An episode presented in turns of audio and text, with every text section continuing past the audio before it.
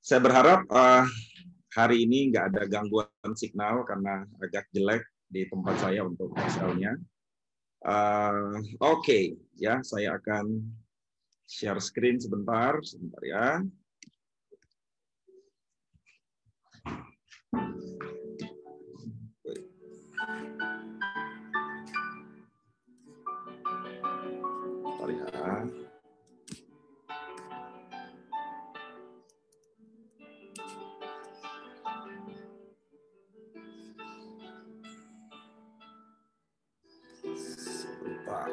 Sedikit. Oke. Okay. Apakah sudah kelihatan? Eh, sorry, sorry, sorry.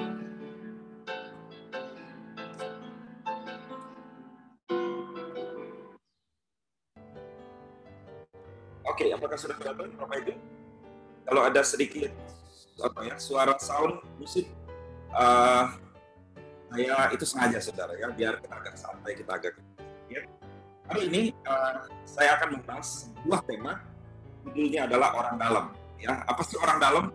Saya nggak tahu apakah Bapak Ibu pernah mengalaminya bahwa uh, ketika kita sedang uh, mengurus sesuatu atau ketika atau ketika kita apa namanya sedang, sedang uh, uh, melakukan sesuatu ya kalau ada orang dalam biasanya itu akan lebih lebih gampang Nah, sampai ada ada satu villa atau ada satu meme yang yang ada di lapangan, eh, yang ada di, di internet di media sosial uh, berkata bahwa kalau apa ya kalau orang nyari kerja ya saudara bisa lihat gambarnya di sini kalau kita nyari kerja wah kita berusaha susah banget gitu ya. Kita berusaha wah mesti ngantri mesti ini itu tapi kalau saudara punya orang dalam maka saudara akan dapat jalur khusus lah Nah, ini adalah anggapan yang beredar dengan luas di tengah-tengah masyarakat, sudah. Ada satu apa namanya? Ada satu uh, anggapan ini seperti ini, ya. Ada kalau orang interview pilot, uh, interviewernya akan bertanya, halo, silakan perkenalkan diri anda terlebih dahulu, gitu ya. Terus ketika orang di interview itu bertanya, eh, selamat siang, uh, berkat selamat siang, saya Asep, keponakannya Bapak Budi, manajer divisi di sini uh, maka orang itu akan masuk, oh baik, selamat bergabung di perusahaan ini ya. Itu namanya the power of orang dalam, saudara. Ya, jadi uh, itu yang terjadi ketika kita apa namanya, ketika uh, oke okay, sebentar ya, saya coba matiin musiknya deh. Oke, okay. ya, nah apakah sudah jelas suara saya? Oke okay, ya, nah uh, ini yang terjadi, saudara. Ada satu anggapan bahwa apa ya kalau kita punya orang dalam maka segala sesuatu itu akan lebih mudah ya. Nah eh, bahkan ada satu eh, ya istilah ada orang banyak bilang begini ada tiga kunci sukses saudara ya.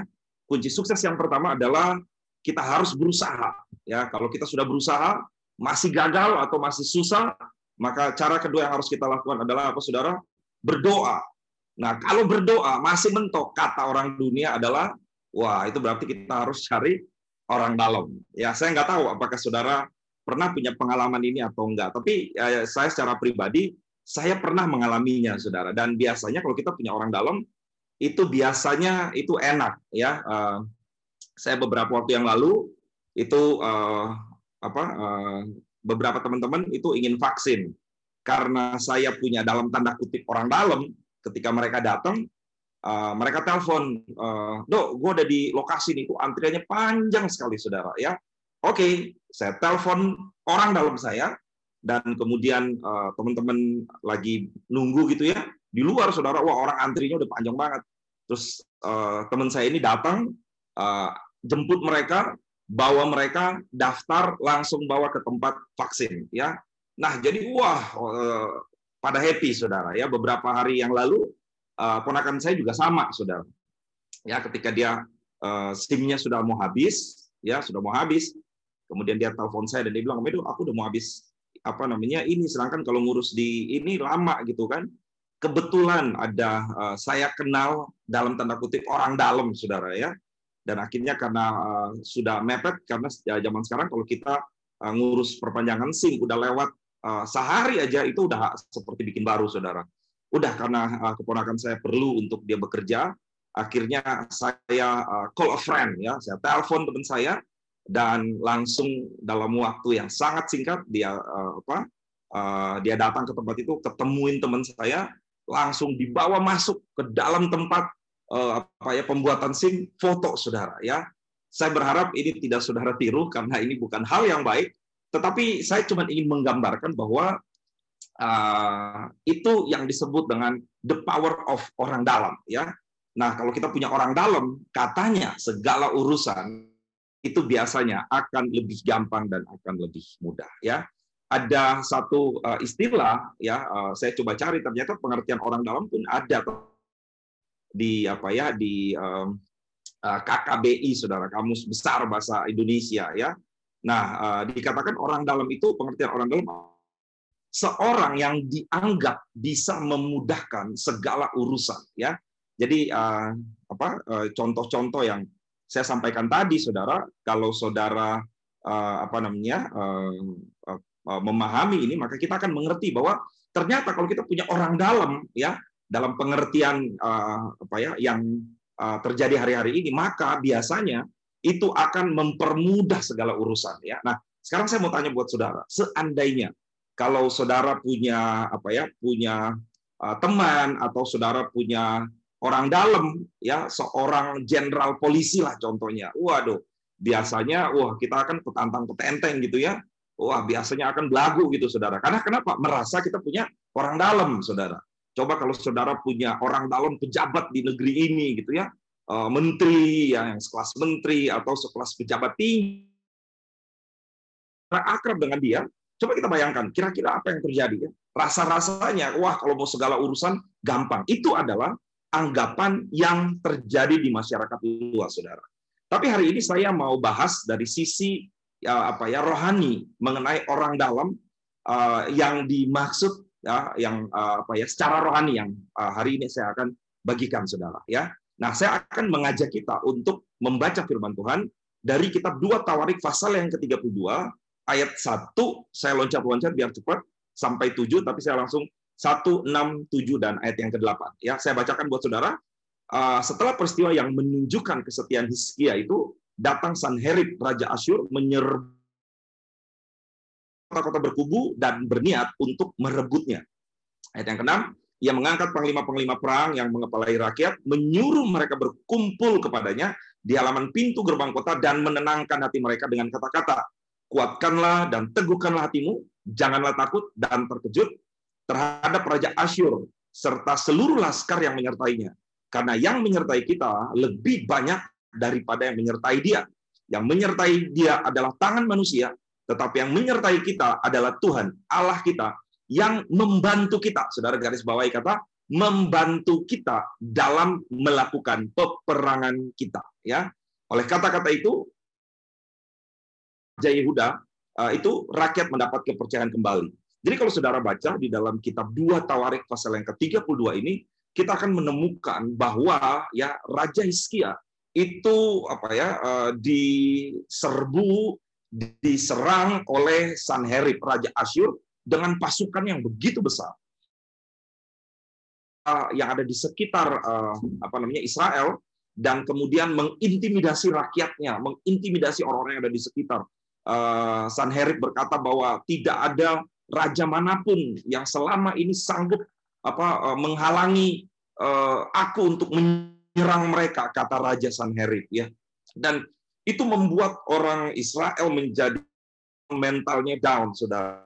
Nah tetapi raja Hizkia dia menyadari bahwa melawan pasukan yang begitu hebat melawan pasukan yang begitu luar biasa dia nggak punya untuk menang saudara dia nggak punya kesempatan untuk menang.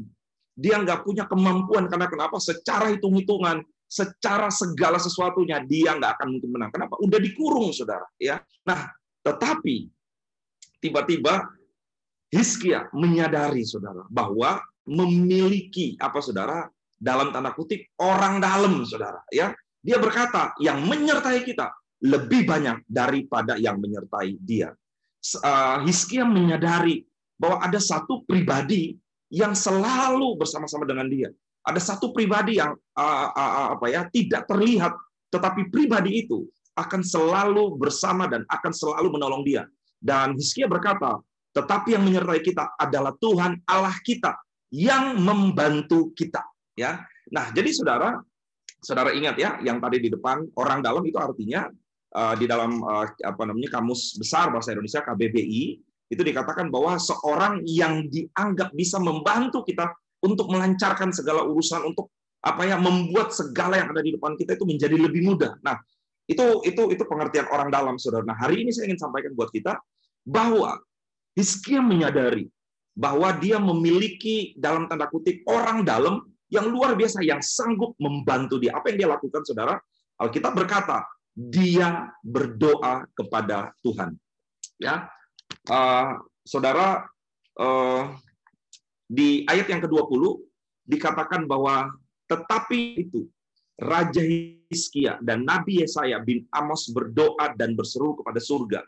Nah, ayat yang ke-21 dikatakan, lalu saudara setelah mereka berdoa, setelah dia kontak orang dalamnya, ibaratnya begitu saudara, ayat yang ke-21 dikatakan, lalu Tuhan mengirim malaikat yang melenyapkan semua pahlawan yang gagah perkasa, pemuka dan panglima yang ada di perkemahan Raja Asyur sehingga ia kemalu-maluan kembali ke negerinya.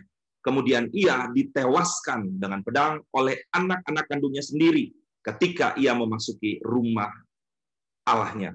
Demikianlah Tuhan menyelamatkan Hizkia dan penduduk Yerusalem dari tangan Sanherib, Raja Asyur, dan dari tangan semua musuhnya. Dan ia mengaruniakan keamanan kepada mereka di segala penjuru. Bapak Ibu yang dikasihi Tuhan, pagi hari ini saya ingin mengingatkan kita semua bahwa di dalam segala keadaan yang paling sulit sekalipun, kita punya seorang pribadi yang sanggup untuk menolong kita. Kita punya uh, Tuhan yang bagi Allah tidak ada perkara yang mustahil. Seringkali di dalam kehidupan kita, ketika kita ngalamin masalah, sering kali yang kita hubungin adalah orang dunia. Yang sering kita hubungin adalah versinya dunia, saudara. Tetapi hari ini kita harus mengerti dan kita harus menyadari bahwa kita punya Tuhan yang luar biasa. Saudara, ketika Elia ya satu kali dia dikelilingi ya oleh apa uh, dia punya bujang melihat ya asing melihat bahwa wah apa ada uh, dia dikelilingi oleh musuh-musuhnya. Kemudian Elia berkata kepada kepada bujangnya, sorry Elisa berkata, uh, aku akan berdoa supaya Tuhan membuka matamu. Dan ketika dia berdoa, maka bujangnya matanya terbuka dan melihat bahwa yang menyertai mereka itu adalah pasukan bala tentara surga yang memenuhi se, apa ya, seluruh gunung yang ada di sekitar mereka. Saudara, pagi hari ini saya ingin kita mengerti bahwa orang lain boleh punya orang dalam, yaitu manusia. Tetapi pagi hari ini saya ingin kita mengerti bahwa kita punya orang dalam yang jauh lebih powerful, yang jauh lebih hebat. Dan pribadi itu adalah Yesus Tuhan kita.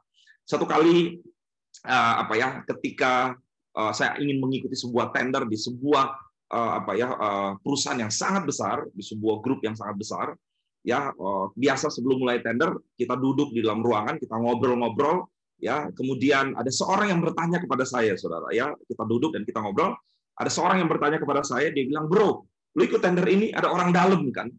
Saudara saya bingung saudara. Saya menjawab sambil senyum saya menjawab ada dong Tuhan.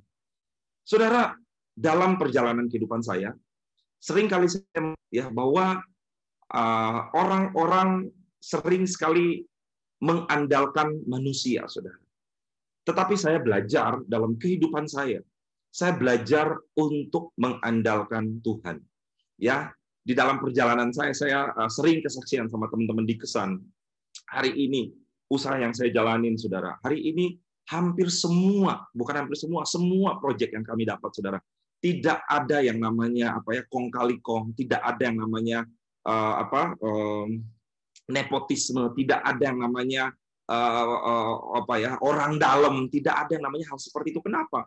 Karena uh, saya melihat di dalam kehidupan saya, ketika kita apa ya mengandalkan Tuhan sebagai orang dalam, maka kita akan melihat pertolongan Tuhan yang begitu ajaib terjadi. Saudara. Saudara, di dalam kisah yang yang saya tampilkan ini, itu ternyata uh, project itu dimenangkan itu oleh perusahaan yang uh, saya miliki, saudara. Bagaimana uh, apa ya? Karena kita bergerak di jasa keamanan, itu perusahaan-perusahaan yang ikut apa ya bintang-bintang, saudara ya, dari latar belakang TNI, latar belakang Polri, bintang satu, bintang dua, wah bertaburan bintang, saudara. Saudara saya sering sekali saya ditanyain, eh bro di belakang lu uh, siapa? uh, bintang berapa? Saya cuma jawab, kalau saya bintang tujuh, saudara. Ya artinya apa? Di atas segala bintang lah. Ya orang pikir saya bercanda, saudara. Tapi sebenarnya that's the truth. Ya karena saya sendiri uh, tidak tahu uh, apa ya, nggak benar-benar saudara nggak ada bintang apa pun di belakang. Saya cuma punya Tuhan. Ya dan di beberapa proyek yang kami jalan apa ya ikutin itu kami betul-betul mendapatkan proyek itu bukan karena ada orang dalam. Saudara ya. Nah, Alkitab berkata ya di dalam Roma 8 ayat yang ke-13, sebab itu apakah yang akan kita katakan tentang semuanya itu? Jika Allah orang dalam saudara, jika Allah di pihak saudara, jika Allah yang jadi apa ya, orang dalamnya kita, siapa saudara yang akan lawan kita ya? Benar saudara, saya mengalami berkali-kali kadang-kadang kita di dalam proses tender, wah udah negosiasi di awal saudara, wah ini itu ya bayar di depan, ini segala macam dilakukan saudara. Saudara, saya belajar untuk mempercayakan perjalanan apa ya uh, uh, saya itu ke dalam tangan Tuhan. Saya selalu bilang sama Tuhan, Tuhan, saya percaya berkat Tuhan yang menjadikan kami seperti ini. Kalau memang ini dari Tuhan, kami percaya Tuhan pasti akan kasih ini ke kami. Tapi kalaupun enggak, kami tetap bersyukur karena kami tahu berkat Tuhan bisa datang dari mana-mana. Saudara, hari ini, saudara, mari, saudara. Ya, kalau selama ini kita sering menjadi apa ya, mengandalkan orang dalam dalam pengertian yang uh, apa ya, menurut anggapan orang uh, dunia, mari hari ini kita mulai ubah. Jadikan Tuhan betul-betul sebagai orang dalam di dalam kehidupan saudara. Saya punya satu kesaksian, saudara ya. Uh, beberapa waktu lalu ketika saya mau di uh, sudah ya saya selesai mengikuti uh, kuliah. Jadi waktu itu saya dengan beberapa teman kami selesai uh, cepat uh, lebih cepat daripada waktunya, saudara. Jadi kita ada berempat, itu kami selesai lebih cepat, ya. Jadi kami itu mengikuti apa wisuda angkatan sebelumnya. Kalau mau ngikutin wisuda angkatan kami itu masih enam bulan yang akan datang, saudara. Nah, begitu teman-teman saya selesai sidang dan mereka dinyatakan lulus apa mengikuti tesis dan dinyatakan lulus, mereka langsung daftar. Nah, saya ngikutin uh, tesis apa yang terakhir, saudara, sidang yang terakhir. Ya, udah.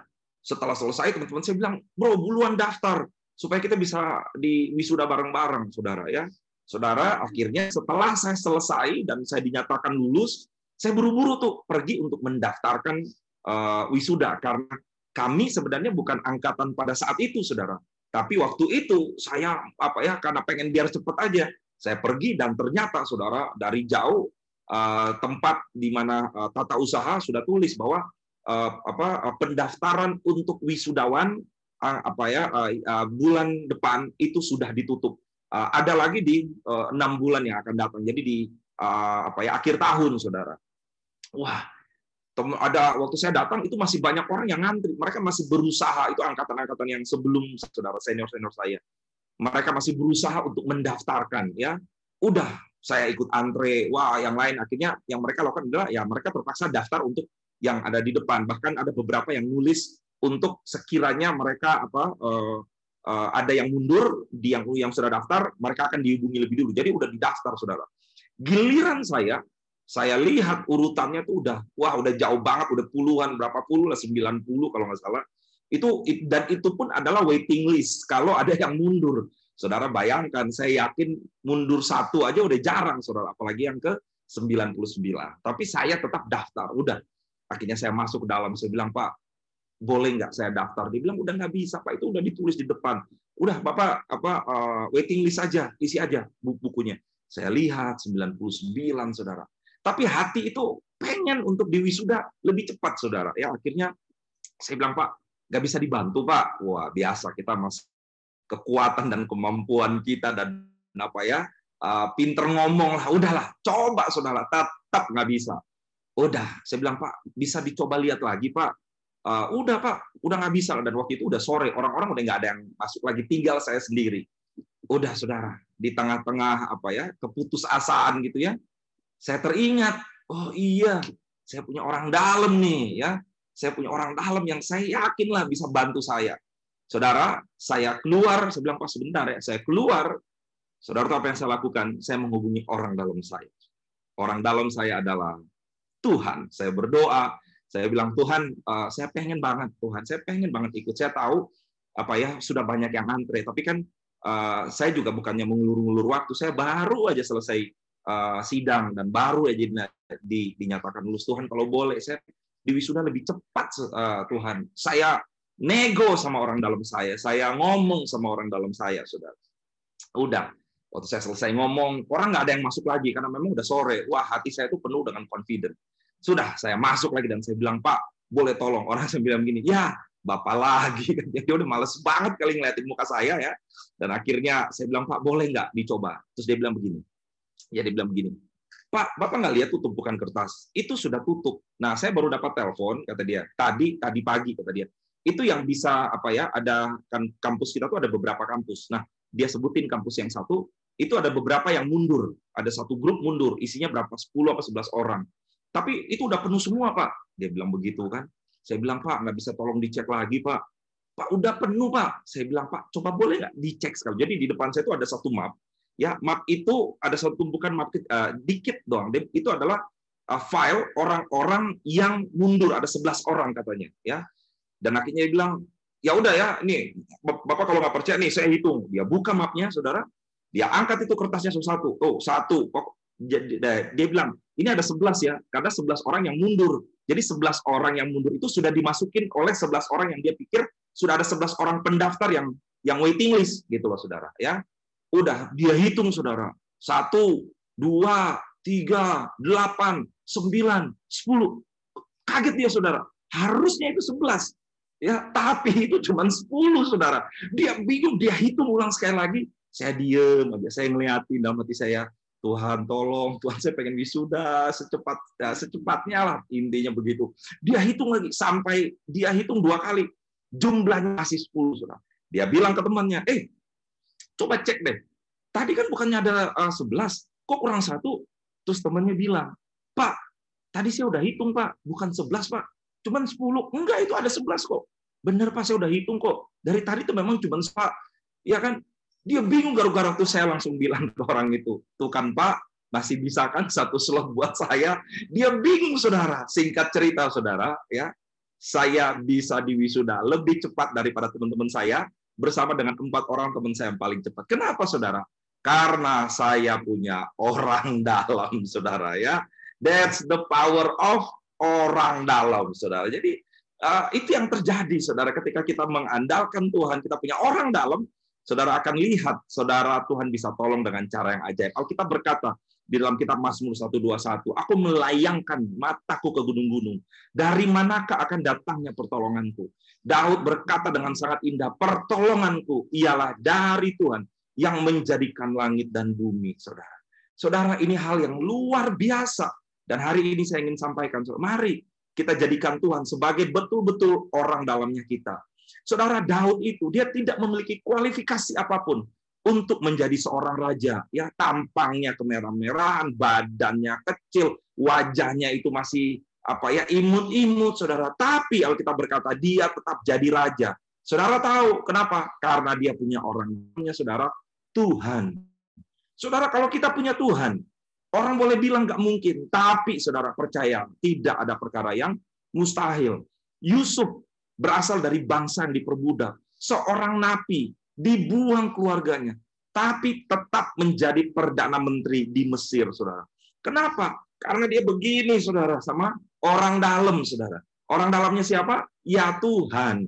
Ketika dia melekat dengan Tuhan, apa yang tidak mungkin menjadi mungkin, saudara. Daniel, orang buangan yang menjadi budak di Babel, saudara. Ya, tetapi dia toh tetap bisa menjadi penguasa di negeri Babel. Saudara tahu kenapa alasannya? Karena kerjaannya dia. Setiap hari tiga kali dia datangin orang dalamnya dia, saudara. Ya, dia datangin orang dalamnya dia. Saudara bayangin, ya orang bilang nggak mungkin, kamu budak, kamu miskin, kamu susah, tidak ada yang mustahil. Kalau kita punya apa, saudara? Orang dalam, saudara. Begitu juga dengan Hiskia. Hiskia dikepung dari segala penjuru. Tidak ada kans untuk menang. Alkitab berkata, Tuhan mengirim malaikat ketika Hiskia berdoa. Kenapa? Hiskia call a friend, saudara. Dia kontak orang dalamnya dia, saudara. Sehingga apa? Israel tetap memenangkan pertempuran.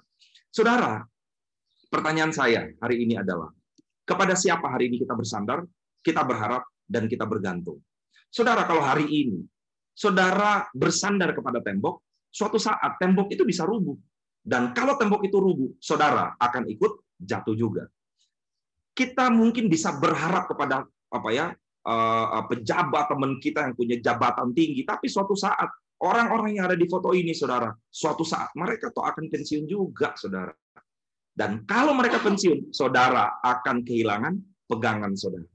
Hari ini apa yang kita apa uh, saudara berpegang pada apa? Kalau kita berpegang pada uang, hari ini uang suatu saat bisa habis, saudara. Tapi dengar baik-baik, saudara. Kalau kita berpegang kepada Tuhan Yesus, ya, yang pertama, Tuhan tidak pernah gagal, Tuhan tidak pernah pensiun, dan Tuhan tidak pernah miskin. Kalau kita mengandalkan hidup kita kepada Tuhan, saudara, percayalah, saudara tidak akan pernah gagal. Itu the power of orang dalam, saudara. Percayalah, saya menjalani usaha saya, saya menjalani hari-hari saya, saya melihat, saudara dulu saya kerja di satu perusahaan, yang setiap hari saya itu terkoneksi dengan apa ya eh, kepolisian, TNI, tugas saya hari-hari seperti itu, saudara. Tapi ketika saya masuk di dalam dunia eh, di dalam usaha, saya belajar untuk tidak mengandalkan manusia. Saya belajar untuk mengandalkan Tuhan. Kenapa? Karena Alkitab berkata, terkutuklah orang yang mengandalkan manusia, ya, dan yang mengandalkan kekuatannya sendiri dan hatinya yang menjauh daripada Tuhan. Mereka akan seperti semak bulus di padang belantara ia tidak akan mengalami datangnya keadaan baik. Ia akan tinggal di tanah angus di padang gurun. Itu yang terjadi kalau kita mengandalkan manusia. Sebaliknya, Alkitab berkata, kalau kita mengandalkan Tuhan, dikatakan diberkatilah orang yang mengandalkan Tuhan, yang menaruh harapannya kepada Tuhan.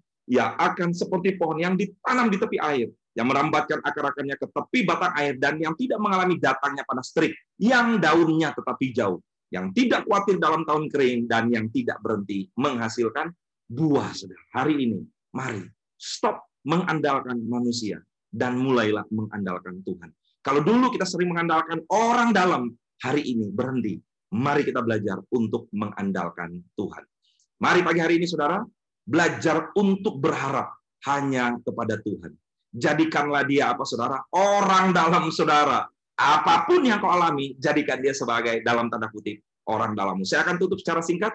Bagaimana caranya supaya Tuhan menjadi orang dalam kita? Yang pertama, saudara, andalkan Tuhan. Tadi kita udah baca ayatnya, diberkatilah orang yang mengandalkan Tuhan dan yang menaruh harapannya kepada Tuhan. Yang kedua, kalau dulu saya bilang apa-apa doa, ah, pagi hari ini saya mau katakan apa-apa Tuhan, saudara. Ya, Daud itu sebelum berperang dia selalu bertanya kepada Tuhan.